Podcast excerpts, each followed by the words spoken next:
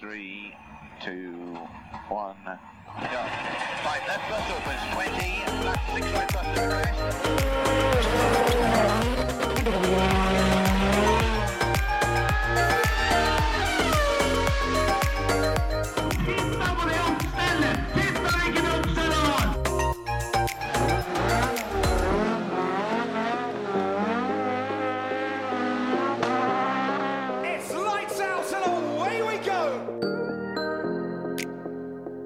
Velkommen til en ny episode av Førermøtet. Vi får vel kjøre oppropet som vanlig. Emil Antonsen, er du der? Hei, hei. Terje Flåten.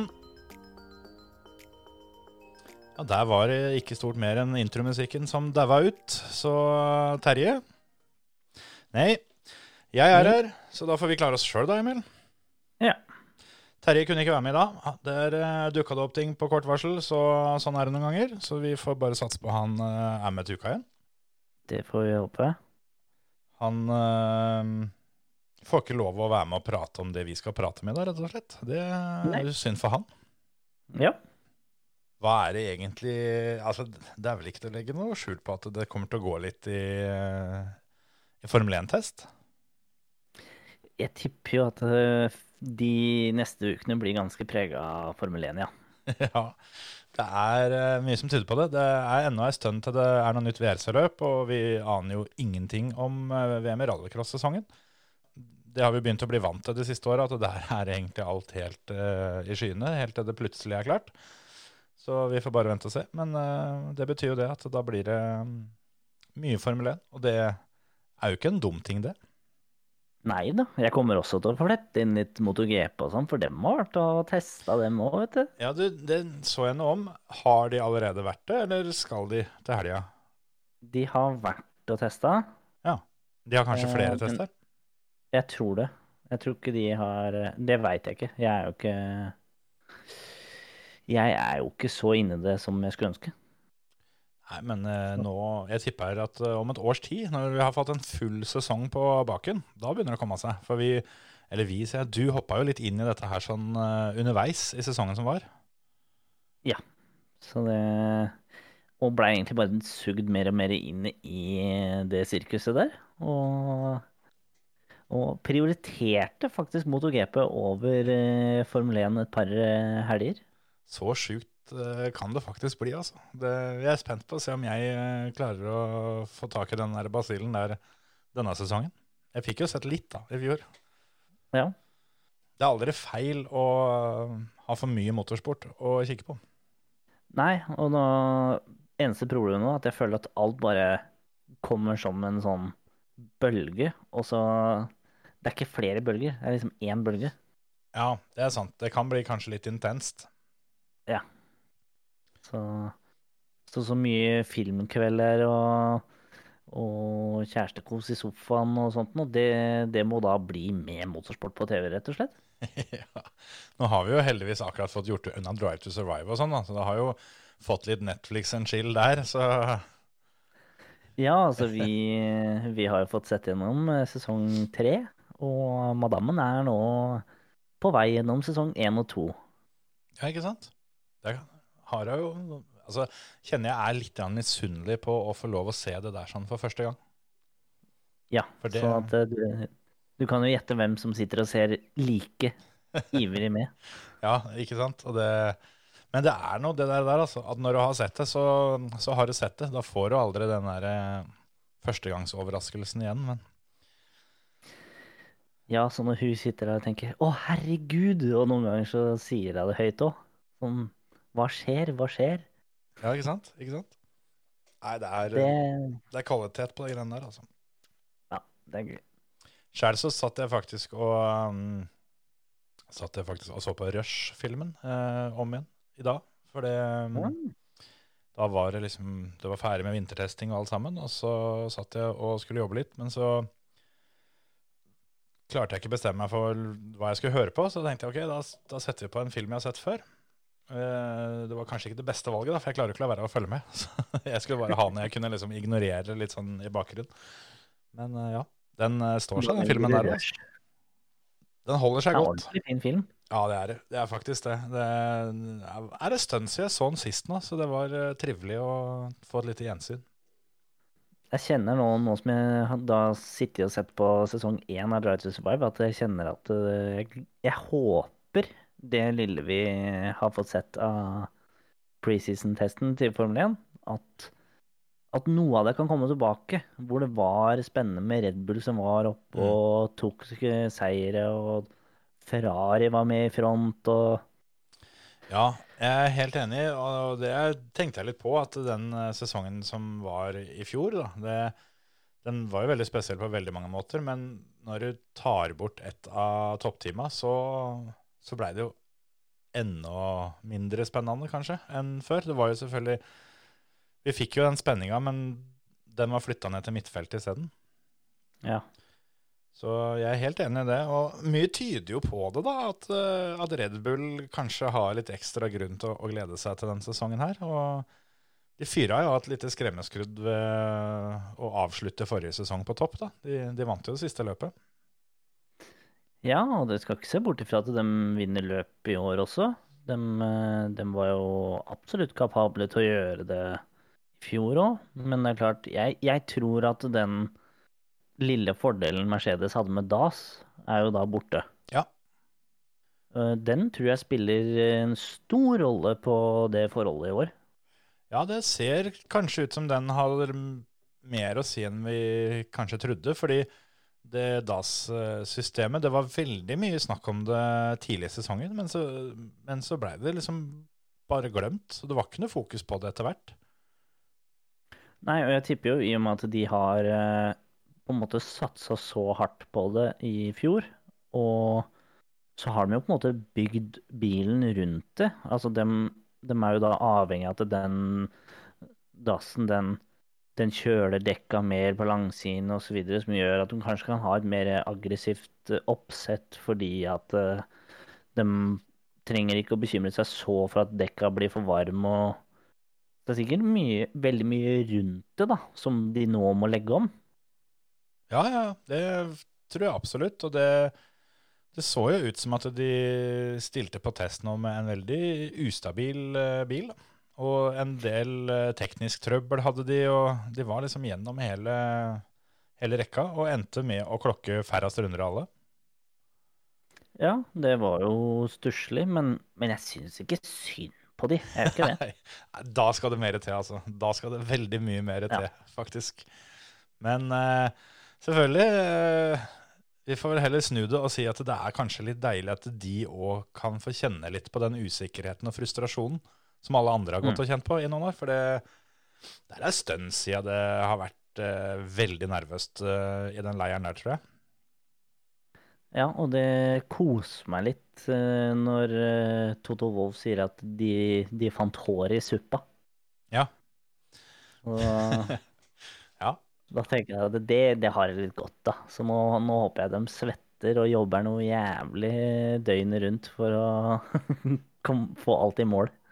Det så jo faktisk ut som eh, at Hamilton prøvde det han hadde den siste 20 minuttene der, sånn, så var han ute og prøvde å sette kjappe tider så det ut for. Han endte vel med fjerdetida den, den siste dagen der, men uh, fikk det ikke helt til, altså. Det var, uh, det var mye, mye som lugga, og bare det å se, se Hamilton i sanda, det var jo såpass uvant at uh, det skapte jo overskrifter.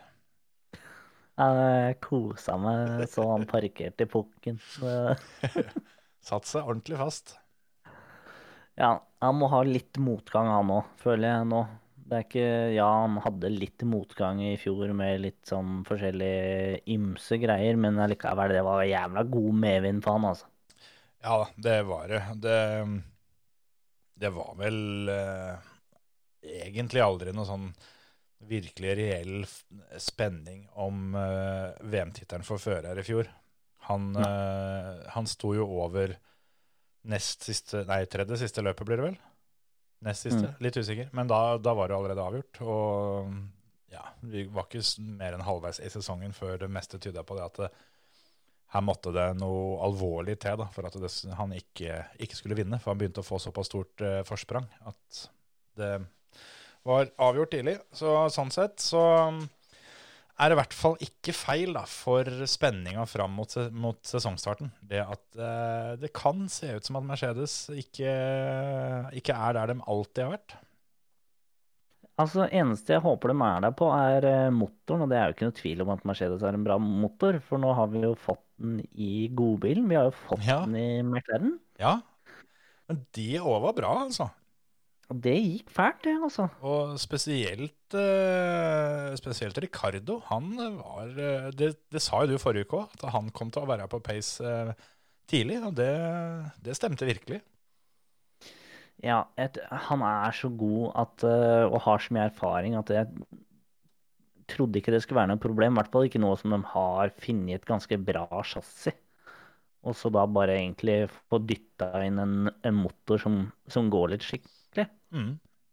Så er det jo egentlig bare å på en måte for dem å venne seg til posisjonen de er nå. Nå kommer de jo til å være med enda bedre og fighte om topplassene i midtfeltet. da. Det tror jeg absolutt.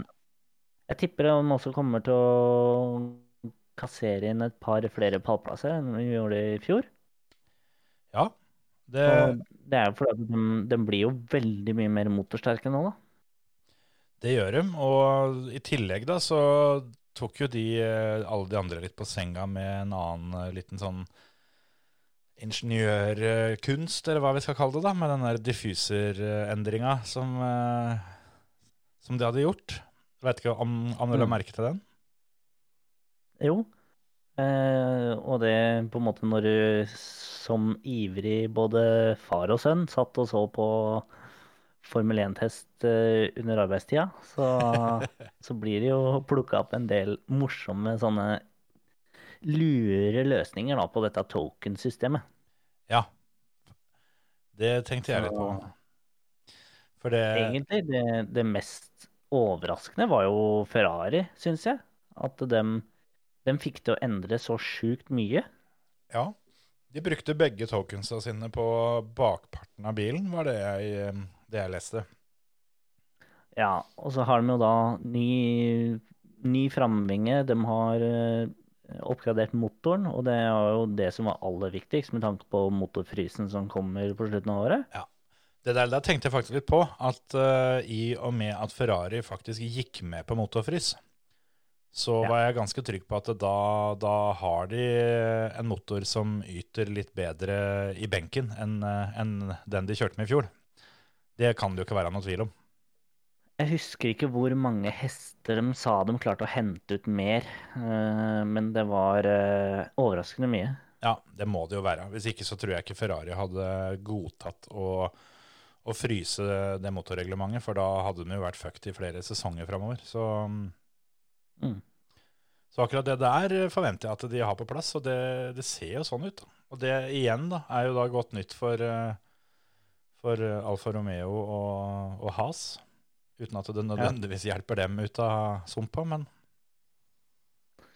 Ja, nei, Gynter gikk vel ganske tidlig ut og sa det at de, de hadde fått beskjed, og hadde sjøl sett også at det var bra nummer, eller bra tall, da, på motoren. Mm. Og at de ikke stressa noe med Ikke noe problemer sånn med tanke på fyremotoren, i og med at de da ikke fikk dra ned og ordne med motorplasseringer og alt mulig sånt nå, så ble det litt lite tid, men ikke noe stress, og alt passer fint. og Alt på stell. Mm. Ja, Has uh, fyra vel opp eh, bilen sin for første gang eh, kvelden i forveien av testen, mener jeg at jeg leste. leste. Så sånn sett så var det greit. Men eh, jeg har i hvert fall uh, ingen forventninger til Has overhodet den sesongen som kommer. For det, de, de har varsla at de allerede har, uh, har flytta mye fokus over til 2022-bilen. Det er et knøttlite team, så det er, i det øyeblikket du flytter bitte litt fokus, så, så gjør det en del utslag, tror jeg. Så har de to eh, ferske sjåfører, så det kan tyde på at de prøver å komme seg gjennom som best de kan i år. Gi, gi sjåførene Formel 1-erfaring og en del trening nå i 2021-sesongen, og så går de for å være tilbake der de var før ting begynte å skjære seg i 2022.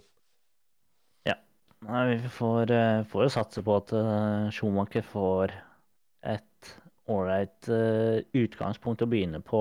Altså, det første året her blir et læringsår. Det er bare for å bli vant til ting. Mm. Og så satse på at eh, han kan i hvert fall være med og fighte litt oppi, oppi midtfeltet, da.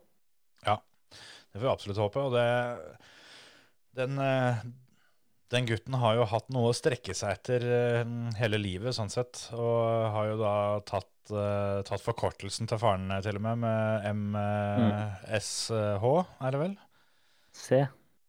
MSC, selvfølgelig. Det gjør jo ikke ting enklere for han da, at han ved hver minste lille detalj blir sammenligna med faren sin.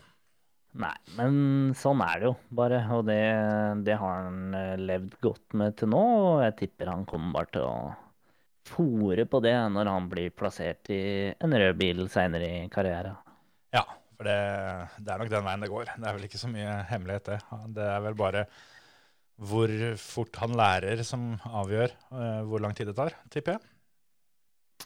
Ja, altså det Det soverommet er malt rødt, det. Det får bare Vi får bare se når han får brukt det. Ja, det er sant. Men apropos, eh, apropos å ha bratt læringskurve, så, så har jo Mick Schumacher eh, vært eh, ute i tøffe forhold før. Eh, det har vi jo snakka om her på podkasten tidligere, så jeg lurer på om ikke vi skal ta et lite gjenhør med den gangen Mick, eh, Mick Schumacher, og far hans for så vidt, eh, møtte et par norske bøller på gokartbanen i eh, Tyskland. Du hører på Førermøtet, Norges beste motorsportpodkast. Før vi slipper Schumacheren helt, eh, stemmer ikke at dere begge to egentlig har kjørt gokart, eh, kjørt mot Michael Schumacher? Ja, både Mikael og sønn. Ja. Mikael, Mick? ja. Mikk, ja. Og Mikael har da et eh, leiekartsenter i Kerpen, der, eh, som han for så vidt eier den banen nå. Mm. Uh, har et utleiegokartsenter med bane inne og bane ute. Um, så var vi der og kjørte leiekart. Det Gud bedre hvor mange hundre tusen vi har brukt på leiekart her. sånn. Det, det er skremmende, faktisk. Men um, det var fryktelig, fryktelig moro. Og uh, så kjørte vi inne, og da var det sånn tavle som vi kunne se navnene våre og tidene våre. Um, så husker jeg at vi måtte sitte og vente en stund før vi ble sluppet utpå, uh, uten at vi visste hvorfor det. Um, og runder jeg svingen og ser den tavla, og da ser vi da i bånn så står det F1, F2 og F3. Så sies alle vi andre hadde vanlige navn. Ja, på oss så sto det da Emil og Terje og Frans mm. uh, og så videre. Um, så sto det F1, F2, F3 i bånn. Um, og skjønte ikke så mye av det, og jeg og Emil vi kjørte jo og fighta, og uh, vi var ofte i toppen, vi var 1 og 2. Det er sånn, og så var det plutselig at F1 Drev og blanda seg inn litt. ja, Ja. drev liksom og Yppa. ja, var yppa og var liksom fighta med oss tre. Vi bytta på oss tre, da var det 1, 2 og 3. Um, og så begynte vi å ta igjen da noen som hadde stått uh, starta litt lenger bak. Uh, og så syntes vi at vi kjente igjen uh, skjerfet til han ene. Vi hadde da vært og møtt Mikael Schumacher tidligere på dagen. Ja, ja, ja. Det var under åpninga av teamet, Åp- åpning av teamet, ja. Um, så begynte vi å, å ta dem igjen, og da ga vi på en måte jeg og Emil tegn til hverandre mens vi kjørte, at nå må vi samarbeide for å virkelig ta dem igjen. Um, da Mikael klarte vi ikke å ta igjen. Men uh, sønnen hans, derimot, som er tippa en veldig god karriere innenfor motorsport, ja. Han må vel ha vært tre år på det tidspunktet? han var vel kanskje Han var vel 11-12 eller Ok, noe sånt, okay. Ja, ja, ok. Jeg vet ikke. Jeg bare tenkte, for han er vel ikke sånn Han er ikke veldig gammel nå. Han er vel gammel nå. 20 eller noe nå, er han ikke det? Jo, så det Ja, han var vel kanskje rundt en ti ti- år eller noe. elleve, Ja, 10-11. 15-16 snart. Ja. Og det, han klarte vi å få tatt igjen, da. Og da, vi visste jo ikke da at det var Mick Schumacher, sønnen til Mikael. Nei, nei. Eh, Vi visste at det var en liten telp. Det var F2. Ja. og, det, um, og så hadde vi alltid sånn når vi kjørte, at vi eh, Vi og Emil var opptatt av å sette beste rundetider. Og for å få gjort det, så må du få kjørt uh, aleine.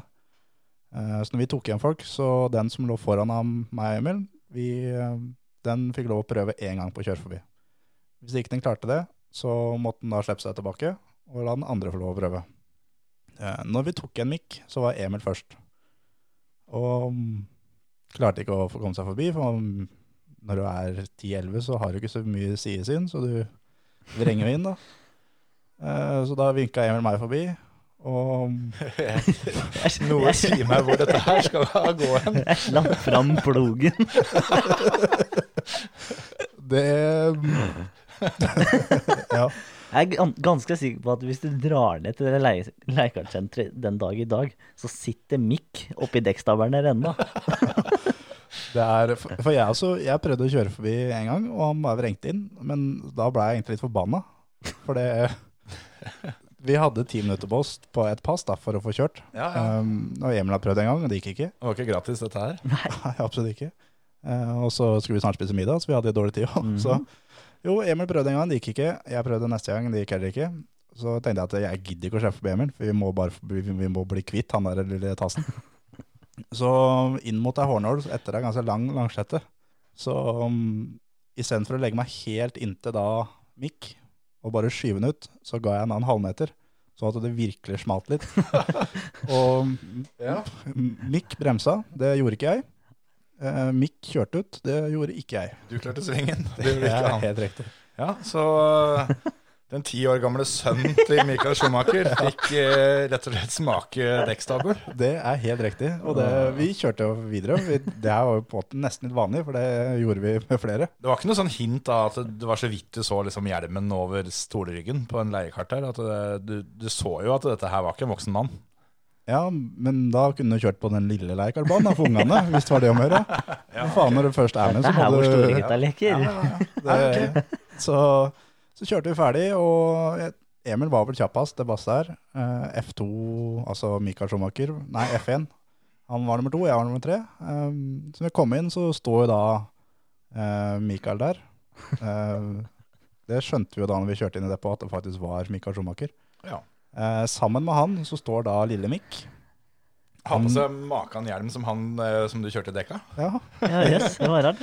og Mikk står og griner, og står og Peker på Terje. står og peker på meg og snakker da med faren sin og griner og liksom for å få han til å få tatt meg. Da begynner du å se etter nødutgangen og, og lurer på om du får eh, med karten ut den veien. Det var, det var F1, F2 og F3. Og for de som lurer på hvem F3 var, så var det livvakta deres. Tipp topp. Han, Han måtte jo selvfølgelig være med. Så han, eh, han uh, gjorde ikke så jævla god jobb uh, utpå der, men um, Mikael uh, han smilte og mm, bare nikka og hilsa på oss, på en måte, for han skjønte hvem vi var. Vi, vi kjørte jo da med lakkerte hjelmer, og, så han skjønte jo da at vi drev med der, og hadde også da eh, sett oss tidligere på dagen. Så det, det som da kunne endt med at jeg eh, ikke kom hjem fra Tyskland, eh, fordi at jeg hadde knekt nakken på sønnen til verdens mest kjente motorsportsfyr, det gikk heldigvis bra. Du kunne fort uh, blitt curbs-fyll på en bane i Kerpen i, i Tyskland. Det er helt riktig, var veldig nærme. Jeg skjønner jo hvorfor du forlot det teamet der, Emil. ja, det var, var jo bare stre- strengt dødt det når Terje driver og mishandler ungene til teamsjefen. Jeg ordner sånt. Ikke noe problem. Ja, det blei folk av, av, av stakkars Mikk til slutt òg, Emil. Ja, Han fikk tørka tårene sine, han, vet du. Vi får håpe han ikke får like røff behandling eh, som, eh, som nykommer i, i Formel 1. Ja, det går nok bra. Det er, han Altså- er flere om beinet heldigvis om å ha første sesong, så det går nok fint. Ja, det er sant. Og kom han seg gjennom det der, så, så er han godt, godt utstyrt for å komme seg gjennom i Formel 1 òg, vil jeg tro. Ja, det er minne for livet, det der for han. ja, det vet du. Men eh, ja, eh, apropos Schumacher og, og Has, eh, han teamkompisen hans eh, Jeg la merke til et par ting når han var ute og kjørte test, eh, blant annet da, da Hamilton snurra. Fikk du med deg det? Nei. Da kom jo han bak. Ikke sånn veldig tett bak, men eh, han var nødt til, å, nødt til å kjøre unna, da. Og teamradioen da, den det var Ha-ha, nå må dere sjekke onboarden. Jeg holdt på å kjøre på Louis. Fy faen, for et år det her blir. ja, da tenkte jeg at akkurat det tenkte jeg òg. Dette her blir et fint år. Ah, ja, der, der har en faktisk gitt plass til en skikkelig villmann. Altså, det der er en eh, Han gjør akkurat hva han vil. Ja, og det Ja, nei, det, det er helt uh, sjanseløst å begynne å spå hva er det vi skal få av det greiene der, sånn, for det, det virker som at han har en helt annen virkelighet. da, at uh, det er liksom Masepins verden, og vi andre bare er på besøk. Så får vi bare henge på som, som best vi kan. Og det, det tror jeg fortsatt gjelder, sjøl om han nå har kommet seg til Formel 1 og er uh, oppe med de store gutta. Ja. Men eh, apropos å henge på. Det, det var jo ikke bare Red Bull som, eh, som hadde god pace. Nei, absolutt ikke. Det var jo ingen ringere enn eh, søsterteamet Alfa Tauri. De hadde faen meg god fart. Det hadde de. Jeg har alltid lurt litt på det der sånn at uh, hvor like er de bilene, med tanke på at uh, det ene teamet har jo alltid vært bedre enn det andre. Men det er jo samme gjengen som, eh, som holder på. Det er, altså, det er jo to, to separate team, men, men alt annet er jo, er jo felles.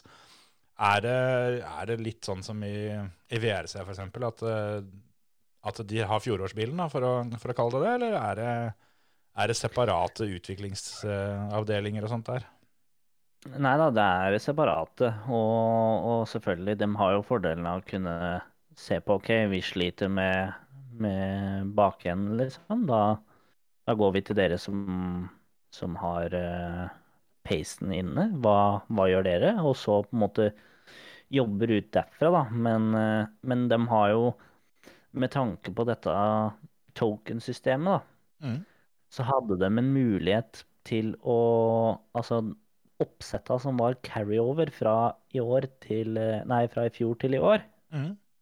de hadde jo muligheten til å, å ta framenden til Red Bull, som da er på en måte sitt eget team, da. Ja, jeg skjønner. Så de har lov til å bruke den endringa, da, uten å bruke token. Fiffig. Men det valgte de å ikke gjøre. Enda mer fiffig. Ja, så der kan man jo på en måte lure, men det er klart, Red Bullen var ikke akkurat superdigg å kjøre i fjor. Nei, han var jo var litt ustabilt å begynne med. De fikk litt mer eh, kontroll over den etter hvert, virka det som, men det stemmer, det.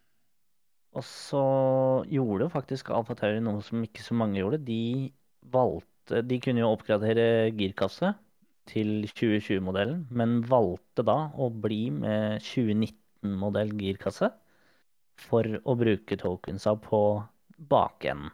Ja, ja. Og har jo heisa den veldig mye. Den var jo veldig høy.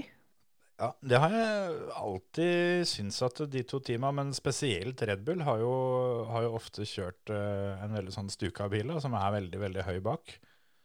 Mm. Og det, det, jeg prøvde å kikke litt etter. Det er, det er en del team som uh, har begynt med det, sånn, og kanskje spesielt i år, da, pga.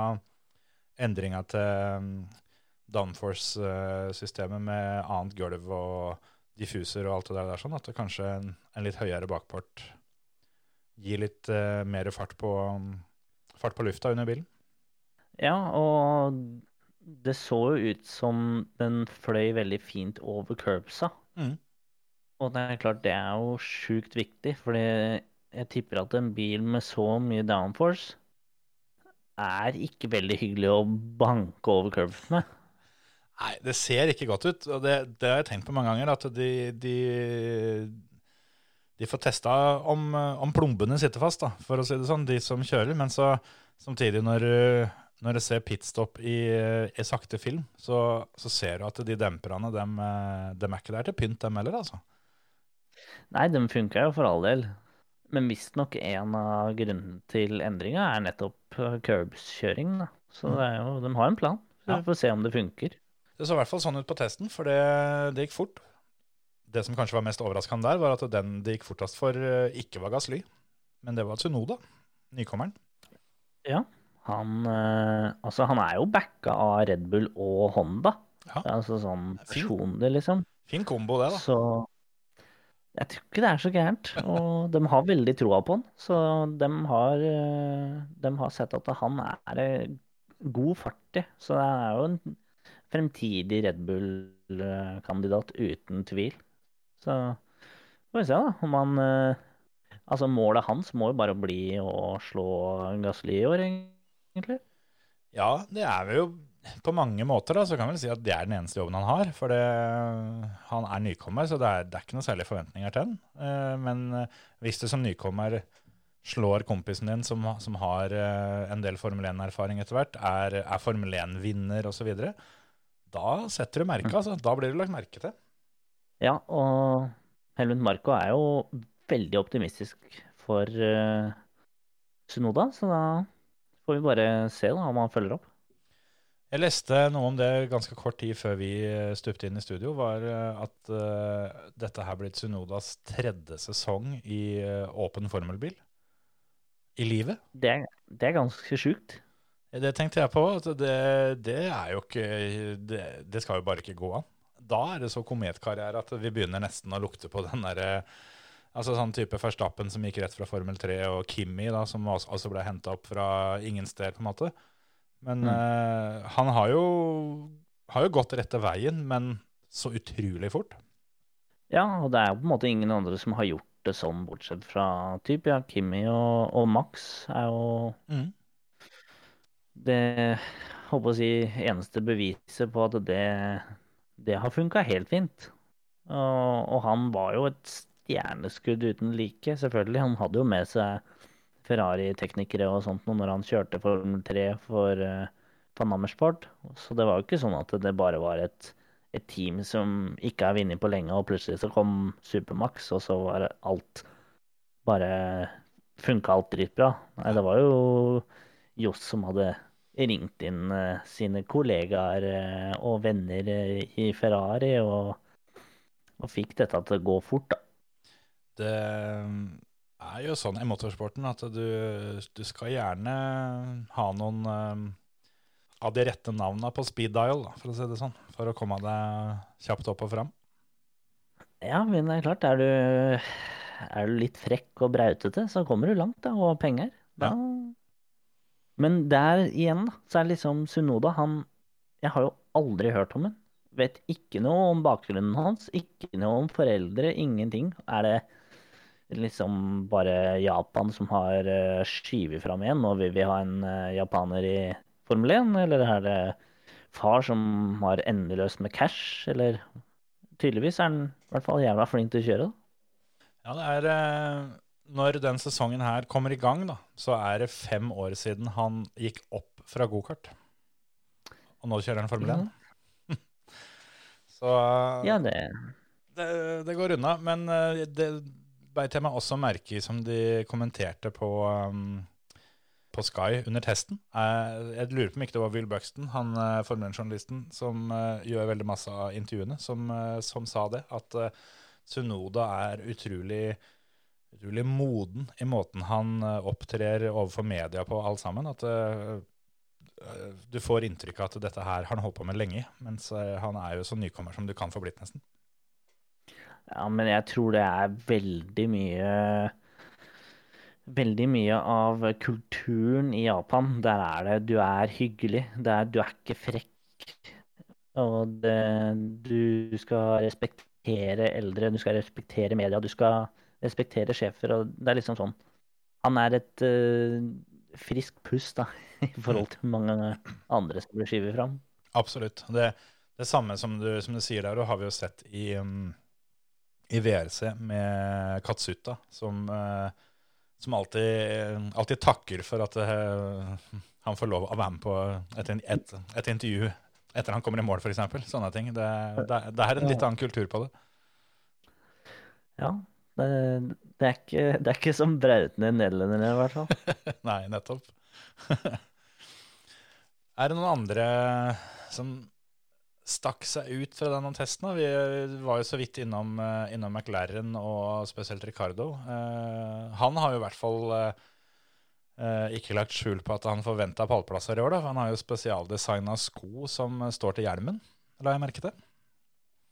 Ja, det er vel første gang jeg har sett han har gjort det, bortsett fra sånn som Red Bull, som matcher alt, på en måte. og Ja. Alt matcher jo, men det her er jo Nå var det spesialdesign. Ja. Og Den, den er designa for å løftes opp med champagne i, for å si det sånn. Det er akkurat det, at det her skal det sjuis. Men det, en, en liten kuriositet der er at det blir umulig i år. For det, den sesongen her så, så plukka jeg opp at, uh, at Formel 1 har kutta ut sjampisen på seierspallen. At det var? De skal ikke ha sjampis. Altså ikke noe mer champagne. De skal, de skal ha sprudlevin. Men uh, det blir ikke champagne. Ja, ja, men sju er sju. Det er, sju er å drikke et eller annet ut av en møkkasko. Sjuin får vi nok, men uh, det blir ikke med sjampis denne gangen. Da blir det noe Jeg vet ikke, sprudlevin. Er det da cava? Er det det det blir? Sikkert. Det blir i hvert fall uh, ikke smakende noe bedre, tror jeg. Altså, det kan være Farris for uh, Nei, jeg tror Farris er smaksløker, verre, altså, faktisk. Du må jo ha noe al Altså, jeg tror sjuer med Farris må være noe av det jævligste. For det, du må jo ha et eller annet som er smaksatt oppi der, sånn, sånn at du får kamuflert uh, den smaken som du får fra skoen.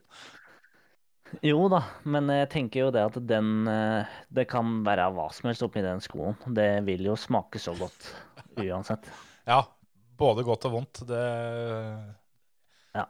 Jeg tror for han så smaker det kjempegodt, men eh, hvis noen andre tar en slurk, så tror jeg ikke det er så stas. Det er nok sant. Men eh, jeg vil jo si at Lando faktisk følger jo opp, da, fjoråret. Han, han har på en måte kanskje litt mer lederrollen i McLaren nå. Mm.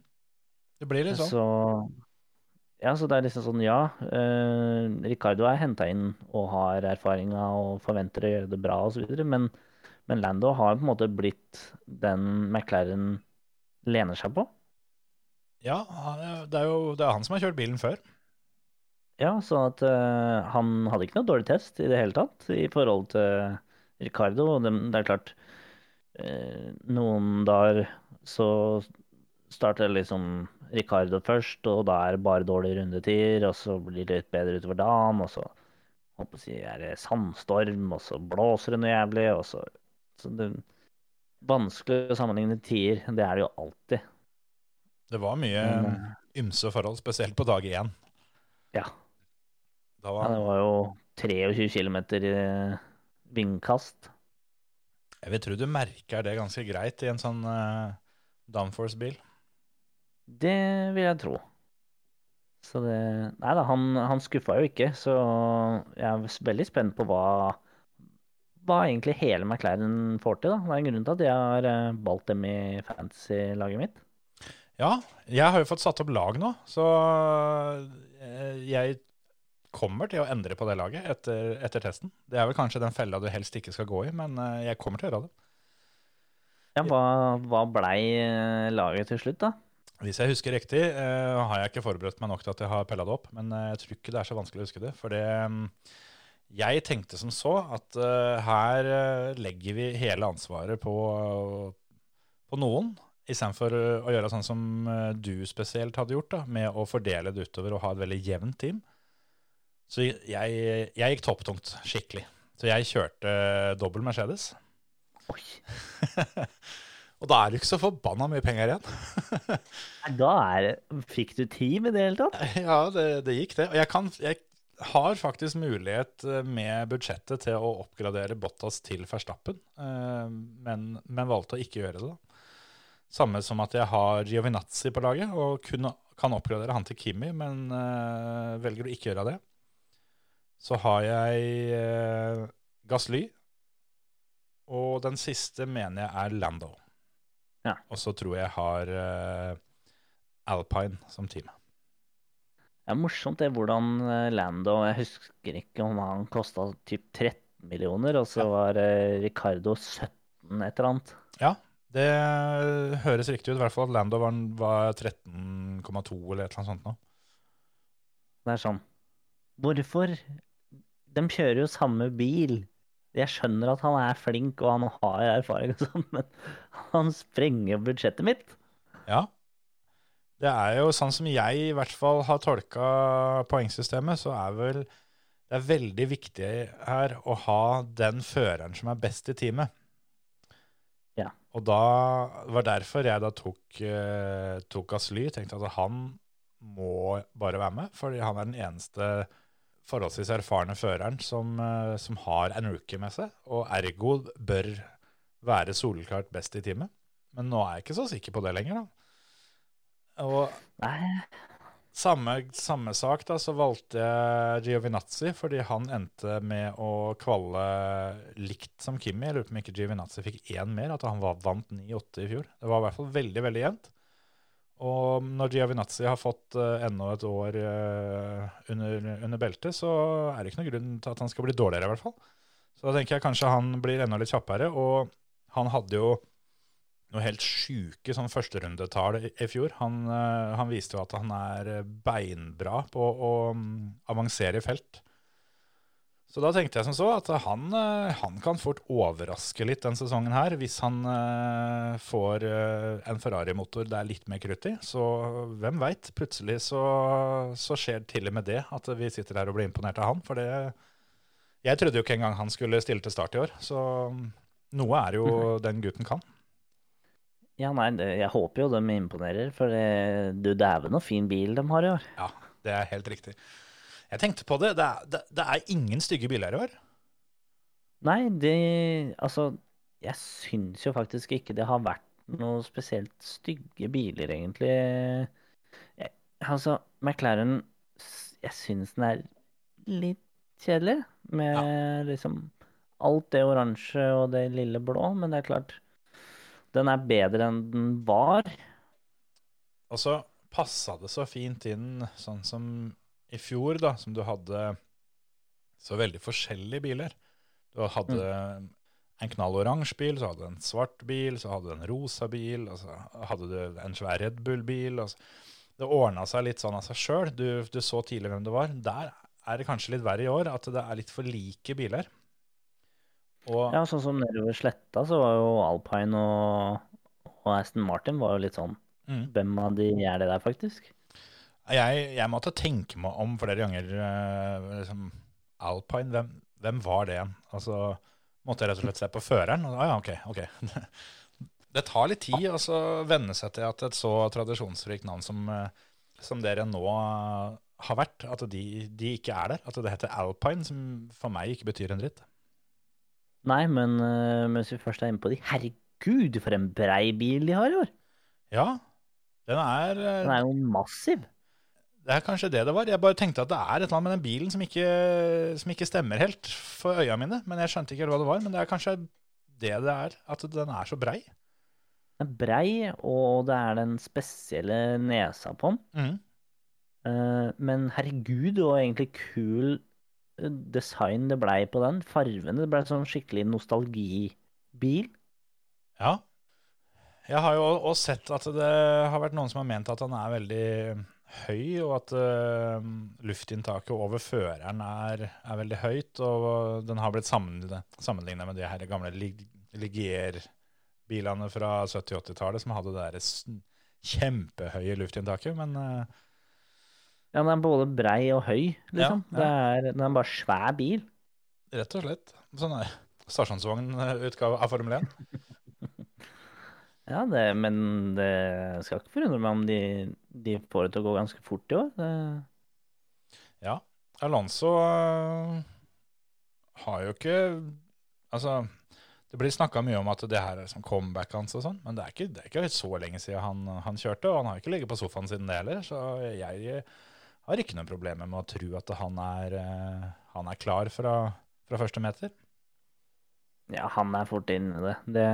Han har fortsatt fart i kroppen, så altså sjølve Det er noe eget å bli vant til å dunke runder på over 340 km i timen. Ja, det er det. Og det, det har han jo i kroppen. Og det, så det går fort. Jeg gleder meg veldig til å se um, rutina hans på det med å kjøre i, i tette felt og, og finne lukene og smette seg oppover og sånn. Som jeg, I hvert fall sånn som jeg husker da, så var han fryktelig god på det. Så Mm. det, blir, eh, det blir moro å se igjen. Og forhåpentligvis da, så får vi jo kanskje kanskje duellen eh, med de han har fighta mye med før. At han og Fettel og det er lov å håpe til og med Hamilton, at de tre kanskje kan være ganske jevne og ligge og fighte. Tredje til femte, liksom. Jeg tror eh, Jeg tror faktisk at det blir en eh, reprise på King of Spain igjen. Ok. Med Det blir jo da Nå er det to spanjoler i Formel 1, og, og to veldig gode spanjoler i to eh, store team, egentlig. Selv om Renault har falt litt, så har jo Ferrari gjort det òg. Så da tror det blir en eh, bra kamp i toppen av midtfeltet med Sainz og Alonso et par ganger i løpet av året, i hvert fall. Det tror jeg absolutt. Og jeg syns Renault tok eh, ganske store steg utover sesongen i fjor. Så hvis de har klart å fortsette å bygge på det, så blir de tøffe, altså.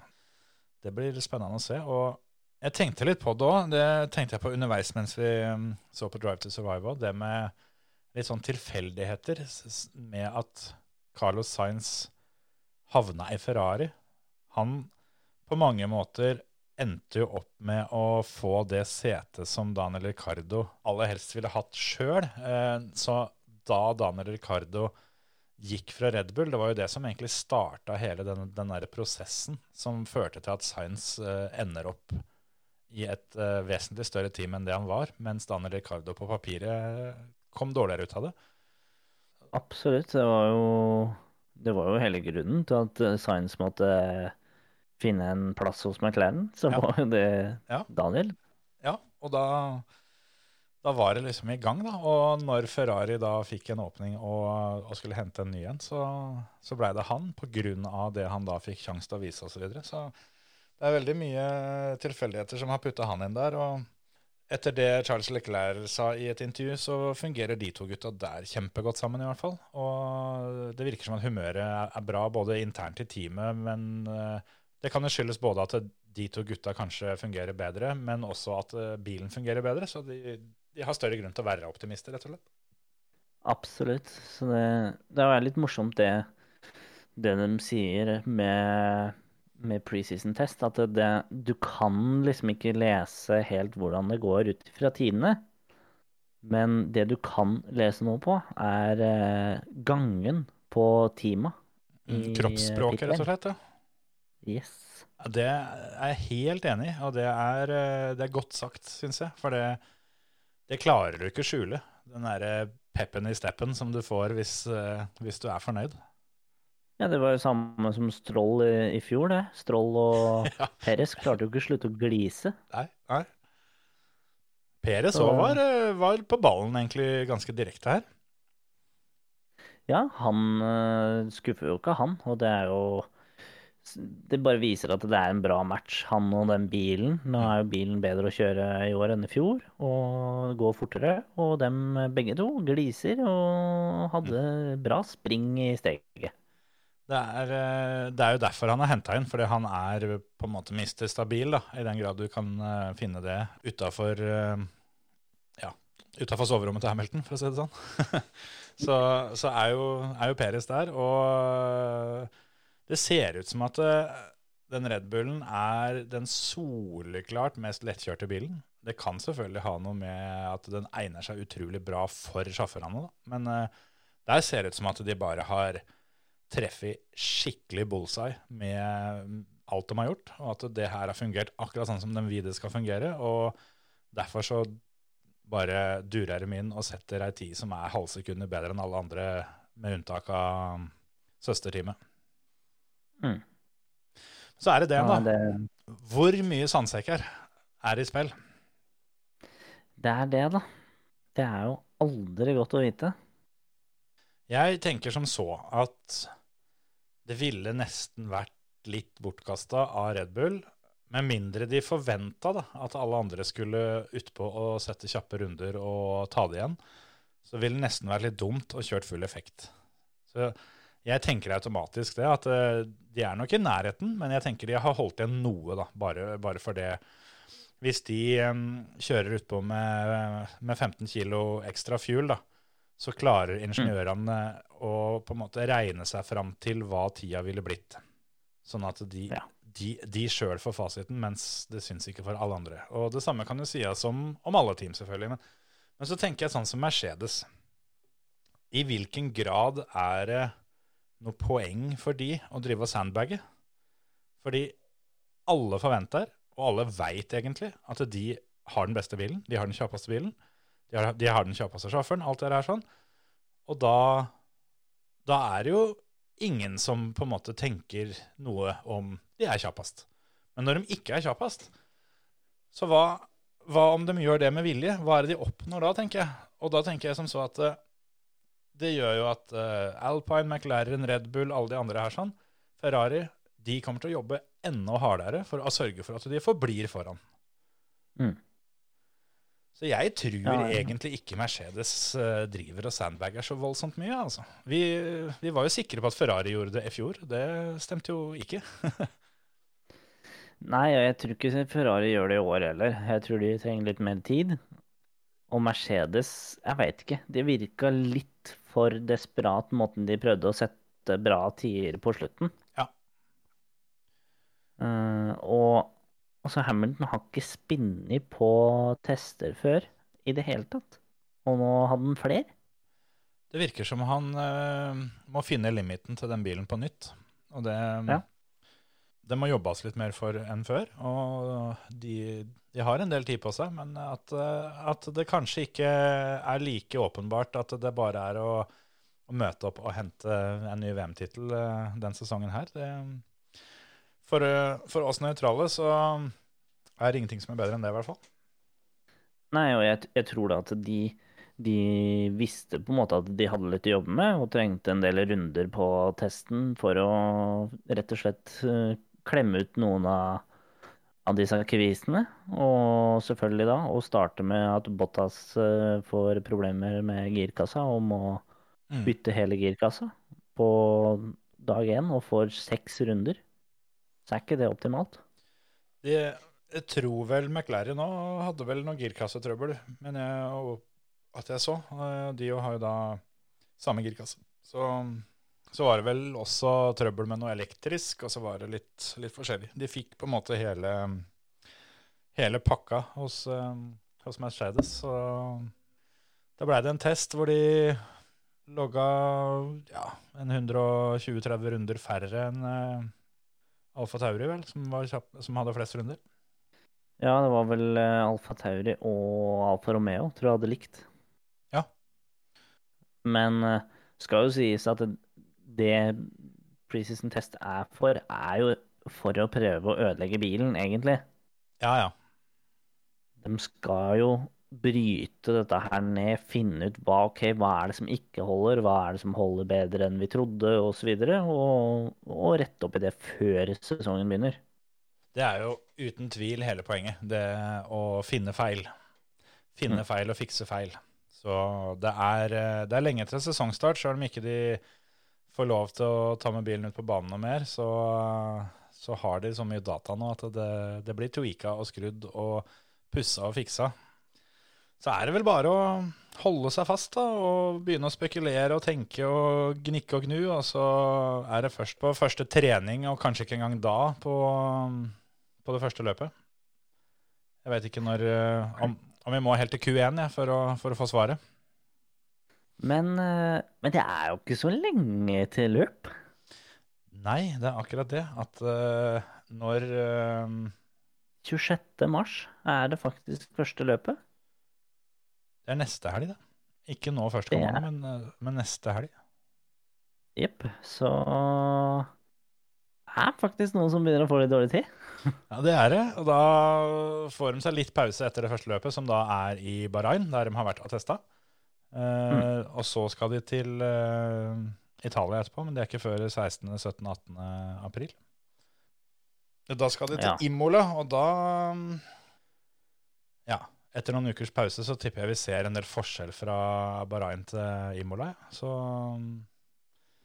jeg tenkte når jeg så at vi skulle rett til Italia, så tenkte jeg først oi, skal vi til Monza? For da hadde det betydd eh, sprintløp med en gang. Men det, der har de vel enda ikke funnet ut helt hva, hva de skal hvordan de skal løse dette i praksis. Og det tror jeg kanskje de trenger litt tid på. Ja.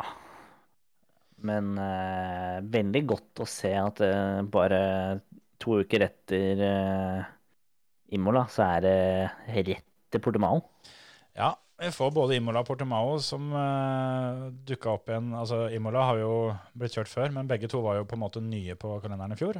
Og at Portimao er tilbake i år, det er så fett. At det veit jeg ikke å få sagt. Og så De fortalte òg under testinga at uh, nede i Monaco så har de allerede begynt å bygge tribuner. Ja, for det er jo spådd å løsne opp litt eh, Noen, sånn som her til lands, så sier de vel at uh, utover i mai og sånt nå, så skal det bli litt bedre. Ja. Men uh, ja, det er jo slutten av mai, da, som er i Monaco. Så Kan nok hende de ja. kjører et, eh, et sånt vaksinepassopplegg. og Nå er jo ikke det landet så stort, da, så, og der har vel folk penger. Så det kan jo være at de bare har klart eh, å fullvaksinere alle, alle lokale, og så, og så slipper dem løs på tribunen, eller noe sånt noe. Jeg Ja, driter i hvem som sitter på den, den der tribunen, altså, men uh, bare det er folk der, for det gleder jeg meg til. Å få, få publikum tilbake. ja, det blir fryktelig deilig. Skal vi si det er uh, bra for i dag, eller har vi noe mer uh, å prate om? Eller skal vi bare si at dette her fikk være Formel 1-testepisoden? Så får vi spare alt det andre snopet vi har til Terje er med oss til uka.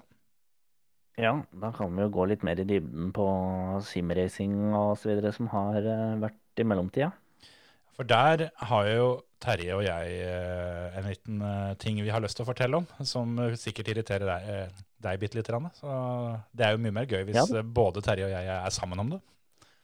Ja da, to mot én, pleier å være enda bedre, det. Ingen tvil. Så den sparer vi til uka. Lett. Ja. Nei, men skal vi si det sånn?